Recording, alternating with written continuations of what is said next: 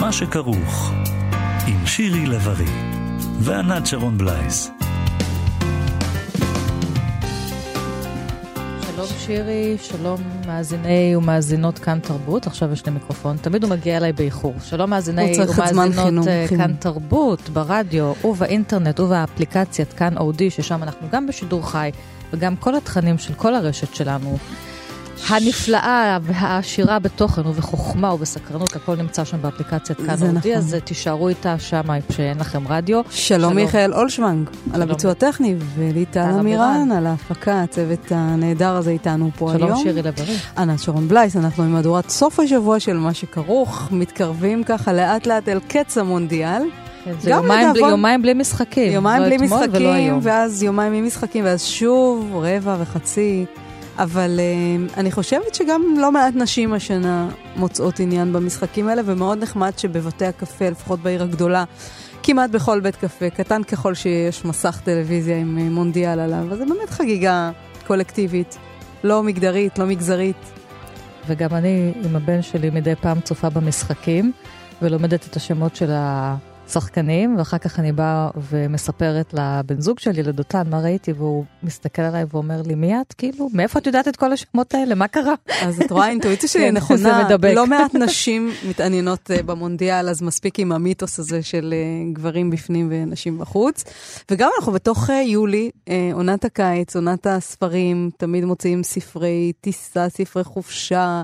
אה, ספרי מתח עכשיו יוצאים לרוב. ספרי טיסה תמיד מוצאים. אבל, אבל אני אומרת, רגע, אני מאלה שלוקחים לחופשה את כל מה שהם לא הספיקו לקרוא, את כל הספרים כבדי הראש, כן, כן. את הסהרורים של אה, הרמן ברוך. אה, כל הספרים שאתה תמיד מחכה לקרוא כל השנה ואין זמן, אז דווקא בקיץ אותם אני קוראת. אני, טוב, אני קוראת כל הזמן את הכל, חוץ מאת הספרי טיסה שאני לא קוראת אותם אף פעם וגם לא בטיסה. אבל זה כבר סיפור אחר, אולי יום אחד נעשה, נטוס, אולי יום אחד ייתנו לנו לטוס עם ספרי טיסה, ואז אני אקרא אותם. uh, בכל אופן, אם אנחנו מדברים על טיסות, אז אנחנו עכשיו עושים טלפון לסופר האורח שלנו היום, שהוא לא בא לאולפן, הוא לא בא להתארח כאן כי הוא חי בחוץ לארץ. שלום, גבי אשר. גבי? שלום, צהריים טובים. שלום, צהריים טובים. אתה גם איש הייטק. ואתה uh, מפרסם ספר מאוד מעניין. יש לא מעט ספרים וגם לפעמים סדרות טלוויזיה על מקומות עבודה. אה, אבל כאן אה, הספר שלך החדש בהוצאת פרדס, אה, משפחת ג'יניוס, מספר על לא על משפחה רגילה, אלא מקום כן. עבודה שנקרא ג'יניוס, חברת כן. הייטק. חברת הייטק, שמאחר שאנחנו מבלים, גם את ואני, שעות רבות בעבודה, אז אפשר לחשוב לפעמים שהעובדים איתנו ביחד הם המשפחה שלנו, כי תכלס אנחנו רואים אותם יותר שעות מאשר את בני המשפחה שלנו. ואתה מספר שם על הנשים והגברים שעובדים, והופכים לסוג של משפחה, ופורט את כל הרגשות, השמחות, העצב, הפחדים, התמיכות, ההשפלות. כל הדמויות שלך, למעשה כל פרק הוא איזושהי דמות, אבל כולן מופיעות גם בפרקים אחרים, ככה שאני גם קוראת את הספר הזה כרומן. כן. נכון. אז תספר לנו, איך, איך, כן, איך כן. כתבת את הספר. למה כתבת אותו? אתה בעצמך איש הייטק גם כן, כשאתה לא סופר. כן, כמו שאמרתם, אה, האמת שמשפחת ג'יניאס אה, נולדה די במקרה. כי לפני שלוש שנים אה, יצא הספר הראשון שלי, זיכרון כמעט מלא, ושנה אחר כך כבר היינו, אה, עמרי הרצוג, אה, עמרי העורך שלי ואני בעיצומה של העבודה על הספר השני. בדיוק קיבלתי איזה תפקיד אה, חדש בעבודה ושוחחנו ככה על מקום העבודה שלי. ו... ונזכרתי, כאילו, ואני... מקום העבודה בעצם אתה, אתה נמצא בו, כמו שאמרתם, זה, זה המקום שבו אתה נמצא את רוב השעות שלך. אבל אתה בעצם לא מדבר עליו אה, עם האנשים הקרובים אליך, כי מה, אתה צריך להכניס את הצרות של, אה, הפרטיות שלך. הם גם לא יבינו. אל, המשפחה. הם לא יבינו, הם לא מכירים חברים. את הדמויות, נכון? זה כאילו עולם שהוא שלך, אבל לא מי שבחוץ לא מכיר אותו. בדיוק, אבל, אבל בעצם זה העולם שלך, כי רוב שעות הערות שלך, נכון. אתה, אתה נמצא בו. זה קצת מוזר, עכשיו, לא? מה שמיוחד בעולם הזה, שאתה מוקף באנשים שאתה לא בחרת בהם. Mm-hmm. ו... והם לא בחרו בך? יש בו יצרים. כן. ויש בו, בדיוק, ויש בו, יש בו את, ה... את כל המרכיבים של החיים שאנחנו לא כל כך מדברים עליהם, אה, לא מדברים עליהם עם, עם הקרובים אלינו, היצרים, המתיחויות, ההתמודדויות, החרדות, השמחות הקטנות, הדרמות, ההצלחות, ה... אתה יודע, הכישלונות. כן, בעצם כל מיני אה, דברים ש... ש... שהיו, שהפכו להיות אולי הרומן המודרני כשכתבו על משפחות, בעצם אני חושבת שיותר ויותר אה, אפשר לראות עוד ועוד ספרים, עדיין לא מספיק, שרואים את כל היצרים הללו, כמו שאמרת, את כל הדרמות ואת כל טווח הרגשות האנושיות, בספרים שכותבים על מקומות העבודה. ולא פחות מזה, אני חושבת גם על הנושא הזה של מעמדות. אז אתה מתחיל את הספר עם קסניה, שהיא עובדת הניקיון, היא לצורך העניין במקום הנמוך ביותר בהיררכיה, והיא מבקשת בקשה פשוטה והגיונית, שבזמן שהיא מנקה את uh, השירותים, שאנשים לא ייכנסו, שייתנו לה לנקות בשקט, גם כי היא רוצה באמת את השקט הזה ושלא ידרכו לה שם, וגם כי קצת לא נעים לה שרואים אותה מנקה, ומבקשת מהמזכירה לשלוח מייל, והמנכ"ל, אריק, הוא לא מתרגש, ואומר, אני לא מבין, את באמת חושבת שאת תגידי לי מתי ואיפה ללכת לעשות פיפי? והמזכירה שלו, קארין, עונה לו, אפשר ללכת לתא השירותים בצד השני של הקומה. והוא ממשיך ואומר, כי הוא המנכ"ל, מי שיש לו זמן, שילך לאן שפנוי. לי אין זמן, וגם הזמן שאני עכשיו מדבר איתך הוא זמן מבוזבז מבחינתי. הנה דוגמה קטנה ליחסים בעבודה, להתעמרות. המנכ"ל, שהוא הכי למעלה, לא רואה את, את המזכירה או את המנקה שהיא הכי למטה, עד שקורה משהו אחר והוא נאלץ לראות אותה. כן, אריק הוא הסמנכ"ל, ומה שאותי מעניין בקסניה, זה בדיוק מה ש... שיש בסיפור הזה, זה כשאנחנו שמים את קסניה במקום אחר, שבו המעמד שלה לא ברור, והמעמד של אריק גם לא ברור. כן. אז אתה מוציא אותם אחר כך מהקונטקסט של המשרד נכון. החוצה, ואז בחוץ אתה מגלה שלכל עובד יש עוד כמה פנים, שאילו היינו מכירים אותם, היינו אולי יכולים להתייחס אחד לשני טוב יותר במקום העבודה. כן, בדיוק. במקרה הזה קצת... אבל uh, אני לא יודע בדיוק מה, מה התרחש מבחינת ה... אני לא בטוח שדווקא בסיפור הזה, גם כשהמעמדות בסיטואציה האחרת לא, לא באמת ברורים, בסופו של דבר, גם כאן היא נוחלת איזושהי תבוסה, ש... איזה סוג של השפלה, אפילו ב, ב, ברגע הכי uh, מוצלח שלה, שבעצם uh, היא כן ניצחה.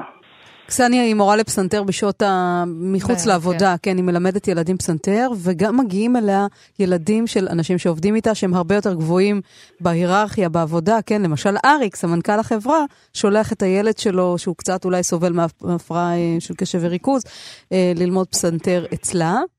וכן, וש, ושם מתגלה מין פן אחר שלה, כן, שם היא במקום החזק יותר שלה, אבל כאמור, היא לא בהכרח נוחלת הצלחה. כן. אה, הילד לא, הילד לא יושב טוב, ככה אומרים את זה. גבי, איך אה, נכתב הספר? תספר לנו קצת. אני מניחה שאתה מכיר חלק מן הדמויות מתוך העולם שלך. למה רצית לכתוב כן, אותו? כן, הדמויות, אה, כמו כל סופר, כן, הדמויות מורכבות מאנשים ש, שאני מכיר, או מחלקים של אנשים ש, שאני מכיר. כבר התקשרו אליך? ובעצם, אה, עוד לא. זה בדרך. בעצם אה, באותה שיחה, כן, באותה שיחה אז עם, אה, עם עמרי, כששוחחנו על, על כשהיינו, ב, ב, כמו שאמרתי, ב, באמצע, של, באמצע ספר אחר, ודיברנו על, על, על, על, על מקום העבודה, על עולם העבודה, עלתה לי הסיטואציה של ההזויה, יש לומר, של, של שיחות הוועידה. השיחות הלחוצות האלה, שאתה יושב עם, אה, עם לקוח שנמצא בצד השני של אה, אלפי קילומטרים ממך, ויש פה דינמיקה כי זה לא, רוב השיחות האלה לא, מת, לא מתקיימות גם עם אה, וידאו, אלא רק באודיו. כן. וצד אחד לא רואה את הצד השני, את הלחיצות על המיוט, את החיוכים, את הקריצות, את האס.אם.אסים שאנשים מחליפים ביניהם תוך כדי. שכל זה גם נמצא בפרק השני שלך בספר. בפרק השני כן, שמתעסק עם, כן, עם, שיחת, עם שיחות ועידה. והאמת שזה הספר, זה הסיפור שכתבתי אה, ראשון, כי אה, הייתי לפני נסיעת עבודה לקוסטה ריקה, נסיעת עבודה קשה, וחשבתי על, ה, על, ה, על הסיטואציה הזאת של שיחת הוועידה, וכבר במטוס התחלתי לכתוב את הסיפור הזה שהוציא אותי לגמרי מהספר ההוא שחשבתי ש, שאני הולך להוציא. וככה בעצם התחלתי לכתוב את הספר, אה, כשדרך אגב קסני היה הבא בתור. אז uh, אותה ציפי שדיברנו עליה קודם, היא בעצם המנהלת, המנכ"לית, והיא שומרת בדרך כלל על דיסטנס והיא קשוחה, אבל היא פתאום מתקרבת לאחד העובדים בגלל מחלה. כן. הנה, עוד, עוד פעם שרואים איזשהו צד. גם אנושיות. כן. כן, יש גם אנושיות, וגם כאן אני... הסיפור על, על החולה, גרי בסוף הספר, הוא, גם הוא בעצם חשב, שגם הוא אה, מגלה שהיא בן אדם, אולי אפילו אישה, מה שהוא אפילו לא, לא אה, חשב לרגע כן. לפני כן. כן. אז אה, זה קצת מבוסס על דמויות שאתה ראית, הוא מכיר סביבך, ובכלל כשאנחנו אומרים הייטק, אנחנו מתכוונים הרי לעולם כל כך גדול, כל כך מגוון, אה, כל כך מרובד, וגם אה, נראה לי שיש להרבה מעובדי ההייטק תודעה של... תודעת ניצחון, שהם בעצם מובילים את העולם אל המאה הבאה, ומכאן נגזרים, נגזרות גם הרבה התנהגויות מתודעת הניצחון הזו. נכון, אתה מסכים אבל, איתי? אבל הכל, את יודעת, הכל הוא, הכל הוא על תנאי, כי, כי uh, הרבה מעובדי ההייטק, כולל אני, uh, חווים גם uh, פיטורים, ו... Uh, uh, יש, יש המון עילה מסביב, אבל יש לה, יש לה מחירים. המחירים הם חוסר היציבות, הם, הם, הם הפתאומיות שבה הדברים קורים. הפיטורים שלי היו משהו מאוד אכזרי ופתאומי. יש, יש ואז התחלת לכתוב? אז התחלת לכתוב, גבי? לא, לא התחלתי לכתוב אחרי הפיטורים, אני כותב הרבה לפני, אבל uh, את, הס, את הסיפור על... יש בעצם כמה סיפורים בספר הזה על פיטורים, והם לא הפיטורים שלי, אבל uh, הפיטורים שלי, uh, בעצם כשאני חשבתי, אפילו מספר שעות אחרי הפיטורים, אחרי ההלם הראשון, כבר שמתי את עצמי כאילו אה, כסופר, מסתכל על הסיטואציה מבחוץ, מסתכל על, ה, על, ה, על העניין הזה שבעצם אתה, אתה ברגע מאוד מאוד גדול של אה, משבר, אבל, אבל בעצם שהוא גם רגע של יצירה, הוא גם רגע ש... כי אנחנו כסופרים, אה, כמתבוננים, בעצם לא צריכים ללכת כל כך רחוק, כי אנחנו חווים את הדברים האלה אה, במקרה שלי, חוויתי אותם ממש בעצמי. מי אתה רוצה שיקרא את הספר הזה, חוץ מהקוראים והקוראות? אתה חושב שהוא צריך להגיע לארגונים, למנהלים, ליועצים ארגוניים, מנהלי כוח אדם? אה, מנהלות כוח אדם בטח. אני לא בטוח שהם יאהבו אותי אחרי הספר הזה, לא יודע מה מנהלת כוח האדם שלי עכשיו תגיד לי על הספר הזה, אבל הם, אה, הם טיפה נלעגות ב, בספר. כן. אבל אה, מקסימות במציאות כמובן. אה, ו... אני שואלת אבל ברמה שלפעמים אנחנו... זה כעל ספר הדרכה, אבל שעכשיו... זה לא ספר הדרכה, מדברים... אבל זה בדיוק העניין של, של, של הכוח של הספרות, ואולי גם הכוח של התוכניות שאנחנו עושות פה על ספרות ועל תרבות בכלל, גם ברשת הזאת. זאת אומרת, איך תרבות, איך ספרות, איך אומנות יכולה לשנות משהו ביחסים שלנו בין בני אדם, לתת איזושהי זווית שאנחנו לא רואים, שאנחנו רוצים להדחיק, שאנחנו מתעלמים. תקראו את הספר הזה ותראו משהו על עצמכם. זאת אומרת, כל אחד מאיתנו, מנהלים או לא מנהלים, איך אתם מתייחסים לקולגות שלכם במקום העבודה, בוודאי אם אתם מנהלים שלהם ויש לכם יכולת להשפיע על חייהם. לגמרי. זה לא רק זה, זה גם העניין של מיעוטים. כן. יש לי, אה, אה, אני זוכר באחד ממקומות העבודה, אין הרבה אתיופים בהייטק. כן.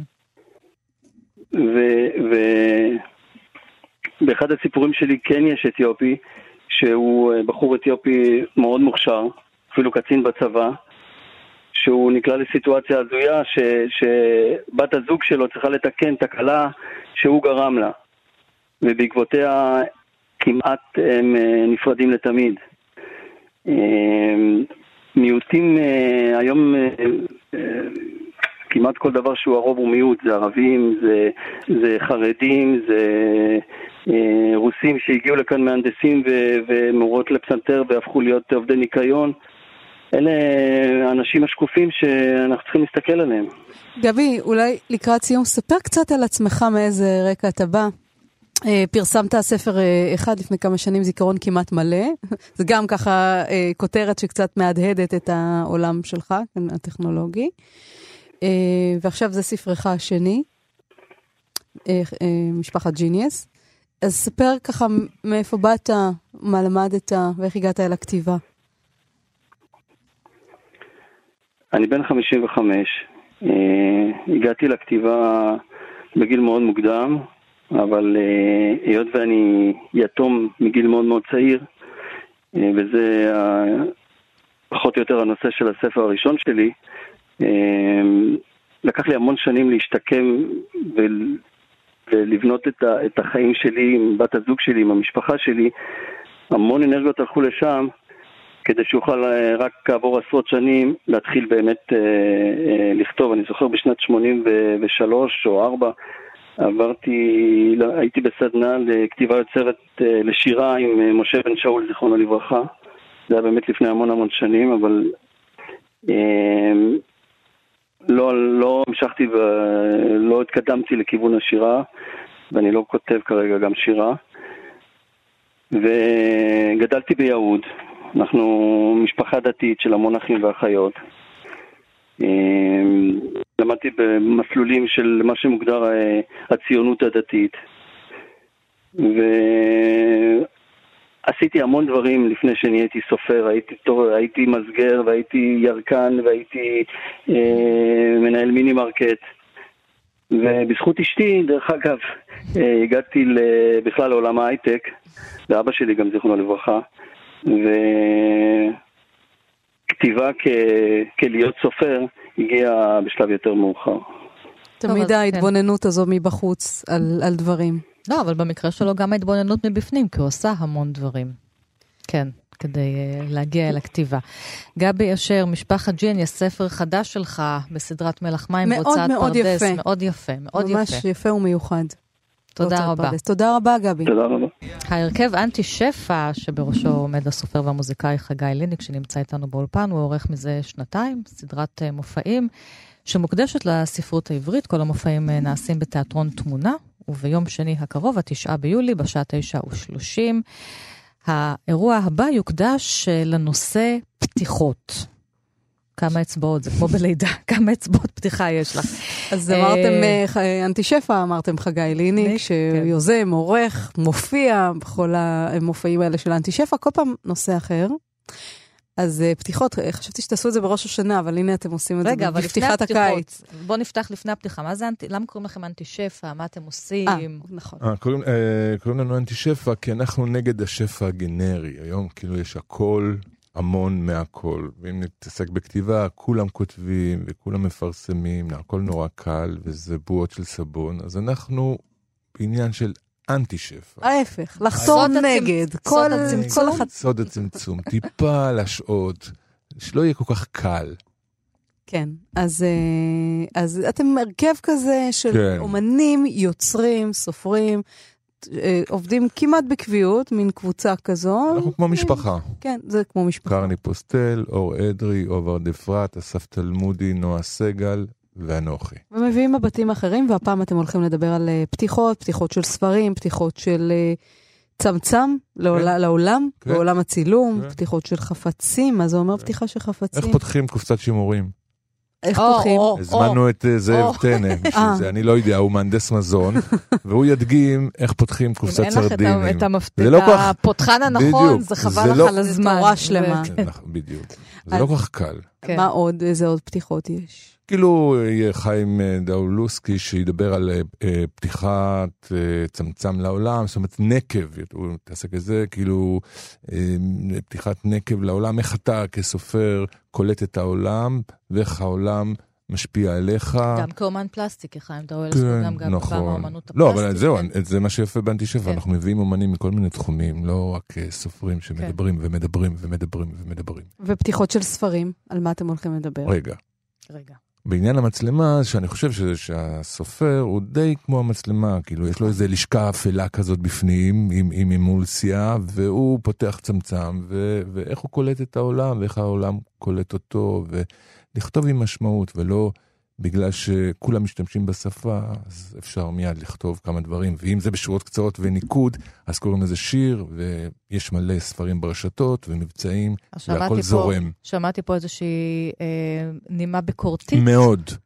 כלומר? אין, אין, אין מחסום, נגיד אם זה היה מוזיקה, לא כולם כן. היו מוזיקאים, יש כישרון, יש זה, שש, שבע שנים ללמוד על כלי. טוב, אין מחסום היום בין היתר בגלל הטכנולוגיה, כל אחד יכול לעשות, נכון, כל אחד נכון. כל כך אנשים מקליטים את עצמם, בדיוק. כן, עדיין, כדי לנגן על הפסנתר צריך ללמוד כמה שנים. אבל אתה היום גם לומד מאתרים, זאת אומרת, גם כן, זה הפך... כן, אבל עדיין יש איזו טכניקה שאתה צריך לרכוש. כן.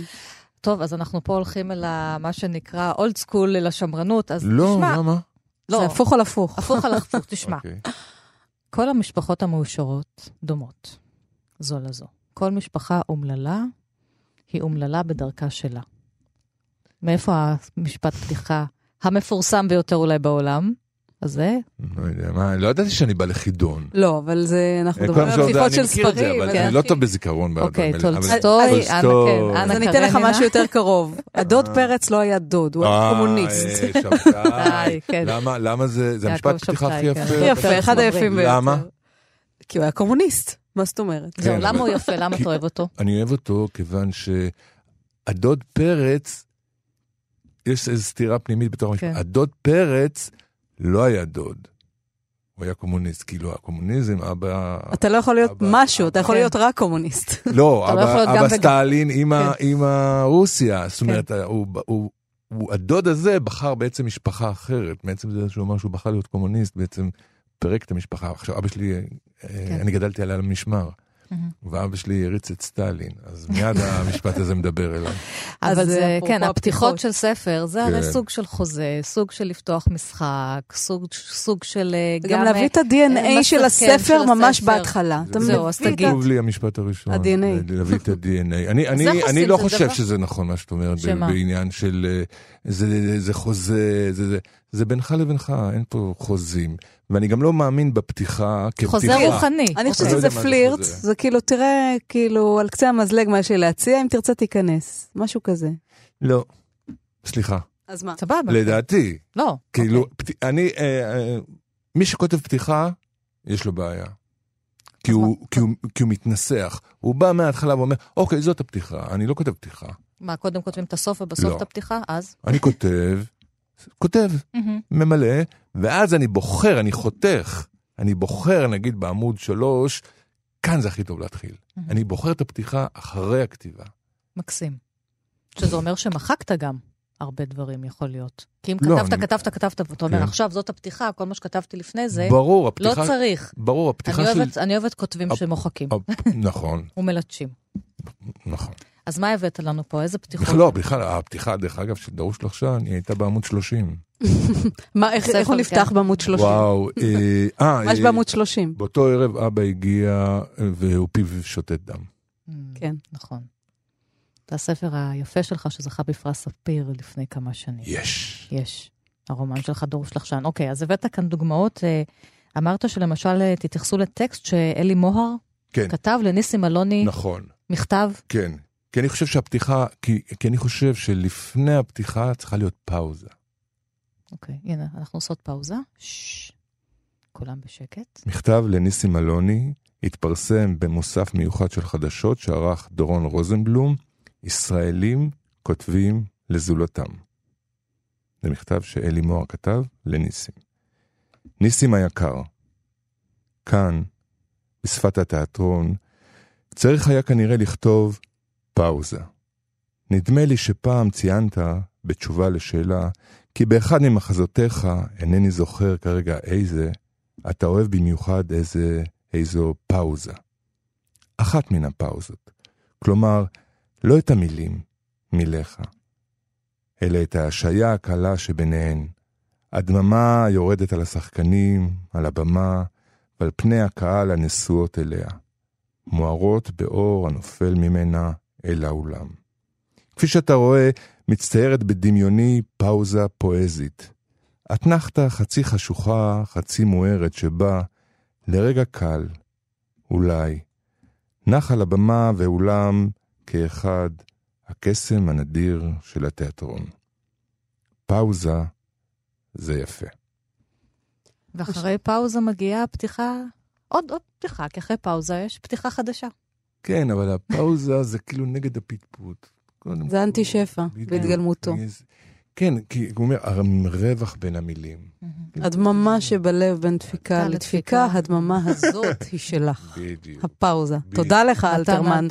זה מה שהוא ידע לתת. קחי, קחי את הדממה שבלב. אז אנחנו בעניין הזה של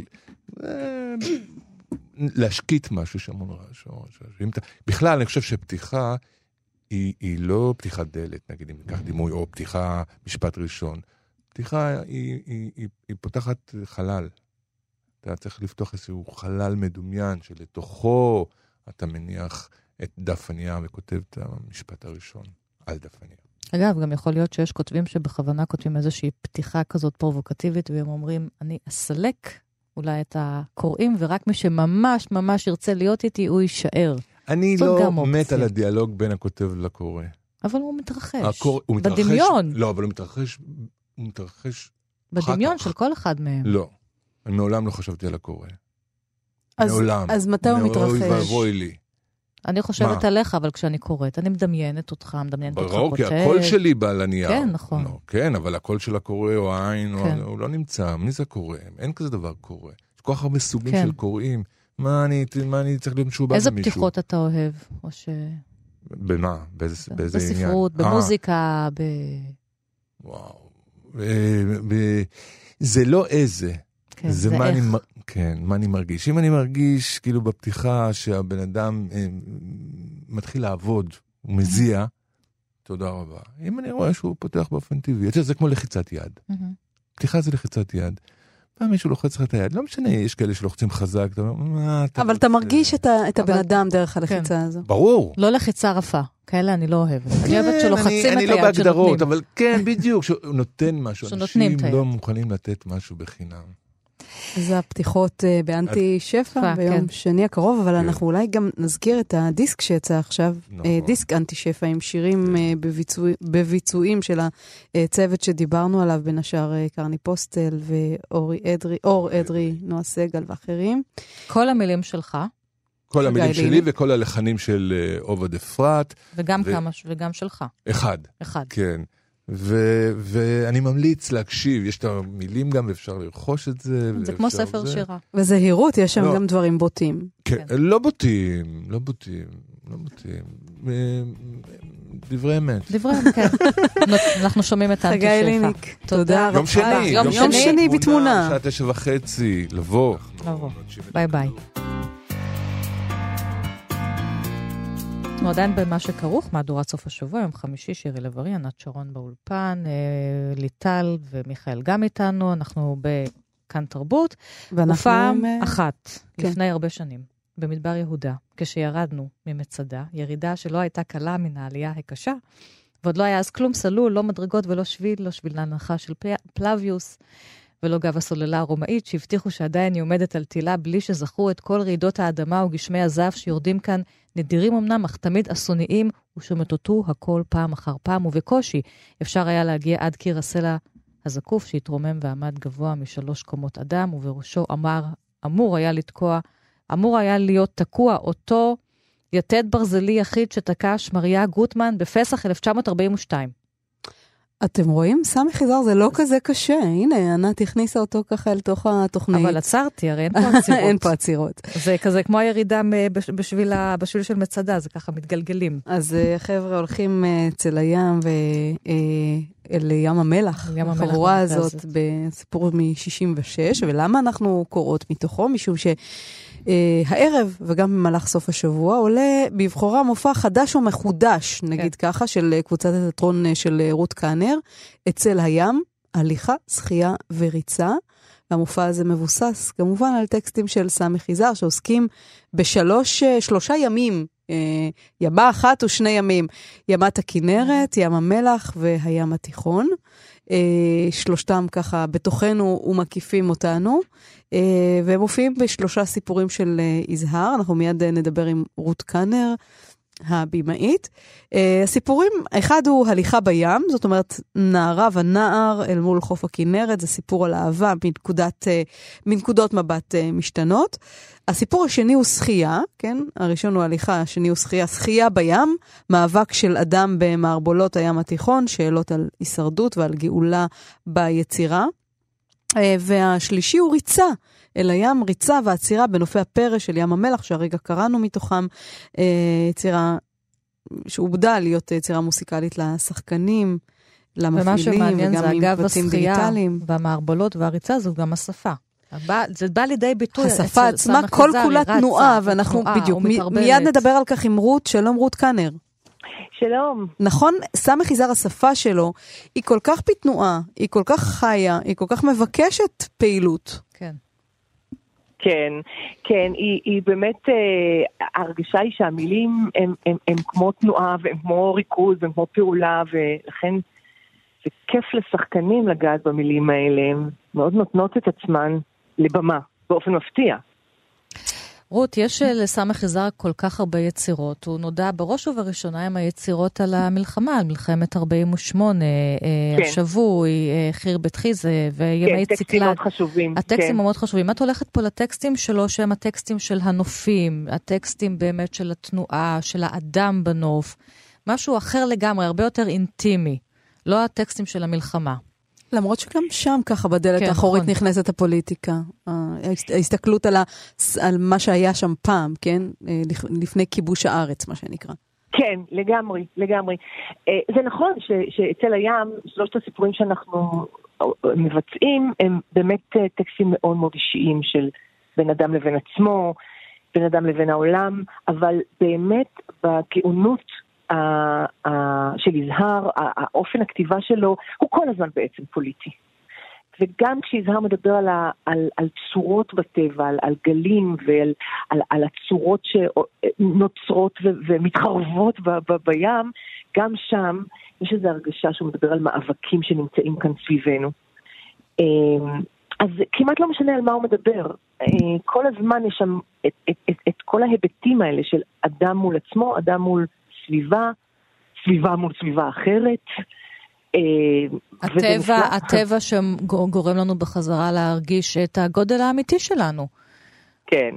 בין כן. היתר גם כשאנחנו, שזה גם משהו, הענווה הזאת שהיא כל כך אה, רלוונטית לכל הטקסטים של סמך יזהר. כן, ובו זמנית לשאול אותנו, פתאום נפתחות שאלות ענקיות על החיים ועל המוות, ואז כן. לשאול אותנו אה, מה אנחנו עושים עם החיים שלנו בעצם. יש יש משפט נורא יפה באחד הסיפורים, שהוא הוא, הוא אומר, האם כל החיים, זה במילים שלי, זה לא במילים המדויקות של יזהר, אבל הוא אומר, האם כל הזמן עסקת בהישרדות, ומה עם הגאולה? אז אה, את, את. את מדברת על גאולה, אבל בחרתם בים, אוקיי? אז אה, אה, השאלה היא, למה ים ביצירה הזאת שלכם? אני, האסוציאציה המיידית היא כמובן ארוס. ולא מעט מדברים על סמך יזהר ותיאורי הנוף שלו, הזכרת קודם גלים, אבל בכלל, תיאורי הנוף והצמחייה, וגם המים וה, והים, כמקור, את יודעת, לסובלימציה של התשוקות הגדולות שמועברות אל תיאורי הנוף. כן, כן, כן. זה בעיקר קורה בסיפור על הכנרת, בסיפור הליכה בים. יש שם נער צעיר צעיר מאוד, והוא פוגש נערה על שפת הכנרת, והוא בעצם רק מדבר על, ה, על הקווים של הנוף, ועל הקוויות לעומת העגוליות של הכנרת, פתאום הופכת להיות באמת נורא אירוטית. אמ, אז למה ים ביצירה הזאת שלכם? והים, קודם כל, למה זה יזהר? הוא בחר שלושה ימים, את ים כנרת וים המלח והים התיכון. אני חושבת שהים הוא, הוא, הוא מקום באמת לימינלי, הוא מקום של בין לבין. אנחנו כבר לא בשטח ה, ה, הנוח שלנו ביומיום, שבו אנחנו מתפקדים ויודעים מה לעשות, ו, ודווקא במקום הזה שמשתבש, שבו משתבש הקצב הסדור של ההתנהגות שלנו, של הפעולות שלנו, מתחילים להתגלות דברים, ו, ואיזו תובענות כזאת של להיות בקצה, בעצם יזהר משליך את, את גיבורי הסיפורים האלה שלו לאיזה מקומות של קצה. בן אדם שטובע בים, בן אדם שטובע בתוך התחושות שלו, ובים המלח אה, בכלל, בן אדם שפוגש אה, עוצמות שהוא לא הכיר, כמו העוצמות של הרוח, שהיא משבשת את כל הסדרים. זה מקומות שהם מתגלים, מקומות של גילוי. רות, לסיום, אה, זה דברים שעלו בעבר, בהפקות שלך. מה הפעם, מה חידשתן בהפקה הנוכחית? בהפקה הזאת נפגשים בפעם הראשונה שלושת הסיפורים האלה. שניים מהם עשינו בעבר, הופענו איתם די הרבה, אבל פתאום אנחנו מפגישים את שני הסיפורים, הסיפור על ים, הכנר, ים הכנרת ו, והים התיכון, נפגשים עם הסיפור על ים המלח, שהוא סיפור באמת אחר, מאוד אלים, מאוד מיסטי, ו, והמפגש הזה יוצר הקשרים חדשים לגמרי. אה, בין הסיפורים, פתאום סיפור זולג לסיפור, ו- ונושא של סיפור אחד, או, או אלמנט של סיפור אחד, אה, נפגש עם אלמנט של סיפור אחר, אז יוצא משהו שנורא מפתיע אותנו עכשיו, אנחנו ממש באמצע החזרות עכשיו, וההפתעה היא ההקשרים החדשים. וגם האומנית אה, הילה לולולין יצרה וידאו ארט למופע הזה, שמבוסס כן. גם על הטקסטים של יזהר. כן, כן, שזה בכלל הגשמה אולטימטיבית מבחינתנו של, ה, של, ה, של הגישה, של הפואטיקה הבימתית שלנו, כי בעצם, דיברנו קודם על העניין של הים והנוכחות של הים, ואנחנו על הבמה לא מנכיחים את הים, אנחנו מנכיחים את המילים. ובעצם השחקנית שצריכה להגיד משפט יזהרי ארוך ארוך ארוך, טובעת במשפט, צריכה, כן. פתאום אין לה נשימה. קרה לי בתחילת השיחה שלנו. מה? קרה לי משהו דומה בתחילת השיחה שלנו. כן, כן, כן. קרה מתוך הטקסט וצריך לעצור כן. איפשהו, צריך איזה... כן, כן, אלה משפטים שהם פועלים על, על נכון. הגוף, על הדיבור, על הנשימה, ואז מה שעשתה הילה לולולין, באמת זה דבר מופלא, היא לקחה את הטקסטים האלה, והיא עבדה עם הצורות של המילים, הצורות הפיזיות של המילים. אנחנו עובדות עם, ה, עם, ה, עם הנוכחות של המילה המדוברת, והיא עבדה עם הצורה של המילה, ונוצרו קומפוזיציות מופלאות מהמון סוגים. כל זה קורה בסיפור על ים המלח, בסיפור אה, אה, ריצה. כן. אה, ו- וכל זה קורה ביחד עם המוזיקה של אבשלום אריאל, כשהמילים שהילה עבדה איתן, הן, הן, הן מהדהדות את הקצבים המוזיקליים, את הפירוקים ואת הבנייה מחדש, ואת הבידודים של מילים. או להפך את ההצפה של, של, של, של מילים שמשתלטות על כל העולם. וזה באמת מבחינתנו אה, אה, הרחבה ו- ו- ו- והשראה אדירה לעבודה של השחקנים. אז אצל, אצל הים של קבוצת תיאטרון רות קאנר, חמישה, שישה ושבעה, חמישי, שישי, שבת ביולי, הימים הקרובים, בשעה שמונה ושלושים במרכז סוסן דלל. תודה רבה לך, רות. רוצי אל, רוצי אל הים, לתיאטרון, להתראות. תודה, להתראות. אנחנו דיברנו על הצורות של המילים. כן, רצות אל ארץ המילים עכשיו. רצות אל ארץ המילים. על המסע המופלא לארץ המילים, ספר של אה, רוביק אה, רוזנטל, ועכשיו הוא מעובד להצגה חדשה בתיאטרון המדיאטק, בבימויו של נועם שמואל, וההצגה הזאת תעלה בבחורה בשבת בבוקר. שלום רוביק רוזנטל. שלום, שלום. אז אנחנו נצא איתך לרגע למסע מופלא לארץ המילים, לילה אחד. נשמעים קולות רחש משונים בחדר הילדים של שירה ודורון, והם מדליקים את האור ומגלים שמישהו מסתורי בלגן להם את הספרייה והפיל את כל הספרים לרצפה, ואז גם המילים מתבלגנות, והם צריכים לסדר מחדש את השפה העברית. אה, אה, ואת המילים שהן ככה נשמעות להן כל כך מסקרנות, מילה כמו אנדרלמוסיה, מילה כמו בראשית. אז מה עומד מאחורי הספר הזה? וההצגה החדשה. טוב, אה, זהו, התחלתי לתאר את ההצגה, שהיא עיבוד, וכמובן שההצגה היא יותר קומפקטית, על הרבה דברים נאלצנו לוותר, אבל uh, הספר עצמו נכתב לפני uh, שמונה שנים בערך, והוא מיועד לילדים מגיל שמונה עד 11, ובו uh, שני הילדים האלה באמת מתווכחים על מילים, ושתי מילים שהם מתווכחים עליהן באות לבקר אותם, ומזמינות אותם לארץ המילים. בהתחלה הם uh, מתלונ... מתקוממים הילדים, אין דבר כזה ארץ של מילים, אבל מתברר שיש, תארי לעצמך שלא היה, איפה היו גרות המילים? שירי, הן הרי חייבות לגור באיזה מקום.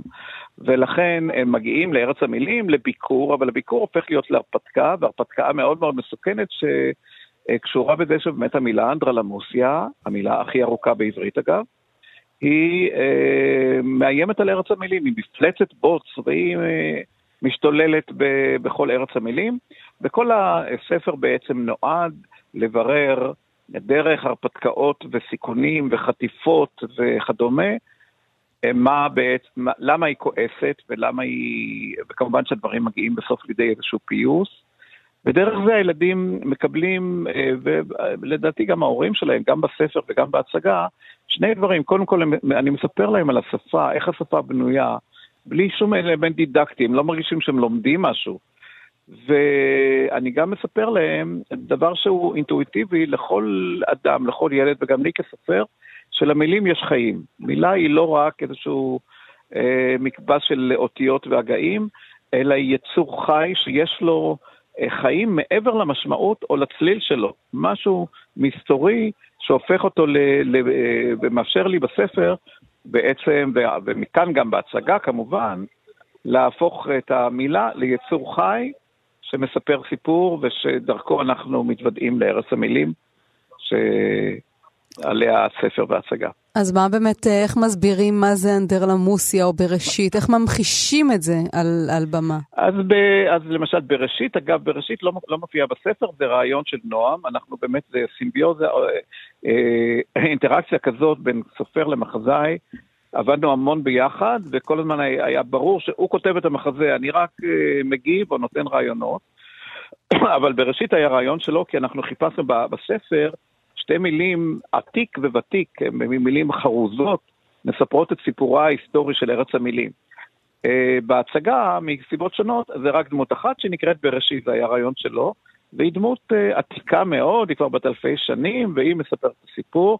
אנדרלמוסיה, uh, כמובן, היא גיבורה גם בספר וגם בהצגה, והיא היא באמת מילה, מילה שמביאה, יוצרת בלאגן. הסיפור בנוי לסביב זה שהיא מילה לא עברית במקורה, היא מילה לועזית, כן. היא גם צלצלת לועזית. היא מילה יוונית. אגב, מילה יוונית שלא מופיעה בשום שפה, חוץ מעברית, זה מעניין. וה... ולכן ההתחברות אליה, למרות שהילדים בהתחלה לא מכירים אותה, היא, היא קלה מאוד. אה, נקודת המוצא שלי בכל הספרים שלי לילדים, שילדים לא מבחינים בין מילה שהם מכירים למילה אה, שנחשבת גבוהה. ברגע שהם שמעו אותה ונכנסה לעולם שלהם, היא שלהם והיא שלהם לכל החיים. ולכן אני בטוח שזה כך גם, אגב, בספר לילדים הקטנים ש, שלי, שהוא אה, חנות המילים של נועם, שכבר אה, מופץ בעשרות אלפי עותקים ונמצא בכל כך הרבה בתים, שגם שם המילים מדברות לילד, הוא מרגיש אותם, ואם מילה קשה, לא, ברורה, לא, לא מוכרת, שלא משתמשים בה הרבה, נכנסת לעולם שלו, היא תהיה שלו. כן, זה גם מה המס... שיקרה גם לבראשית וגם לאנדרלמוסיה. אז המילים, המשחק הזה עם המילים, זה לא השיעורי לשון שככה... חס וחלילה. חס וחלילה, אולי גרמו לנו, גרמו לנו לא להתאהב בשפה. בשפה שאנחנו אמורים לאהוב אותה, כן, זה בדיוק הדברים שאתה עושה, רוביק רוזנטל. אגב, לי יש אה, לא מעט חתולים שבלילות או לקראת בוקר שהם רוצים שאני אקום ואתן להם לאכול, הם פשוט מעיפים לי את הספרים החוצה מן הספרייה, ואז הם יודעים שאני אקפוץ מן המיטה. וכן, אסדר את הספרים ואתייחס אליהם סוף סוף, אז אה, כן. גם אולי זה לספר הבא שלך, לחתול שמפיל את הספרים מן הספרייה. תודה רבה, רוביק רוזנטל, אוקיי. המסע המופלא לארץ המילים עכשיו בהצגה בתיאטרון המדיאטק. ואנחנו... יום שבת בבוקר, כמו כן. שאמרת, בכורה. הבכורה, ואחר כך תהיינה עוד הצגות. בהצגות ל... אה, שנקווה מאוד שבתי הספר ומוסדות החינוך יעוטו עליהם. ההצגה מיועדת לגן עד שמונה, וזה מעניין. זה גם יותר. נראה לי מיועד לי בגילי, ה... כן, כבר המתקדם, סוף ה-40. הספרים שלי כולם בנויים בשתי, בשתי, בשני רבדים, לילד ולהורה שלו. וזה גם התגובות שאני מקבל. ולאוהבי העברית. תודה רבה רוביק רוזנטל, שירי לב-ארי. ענת שרון בלייס, מיכאל אולשוונג, ליטל אמירן, תודה לכולכם. שבת שלום להתראות.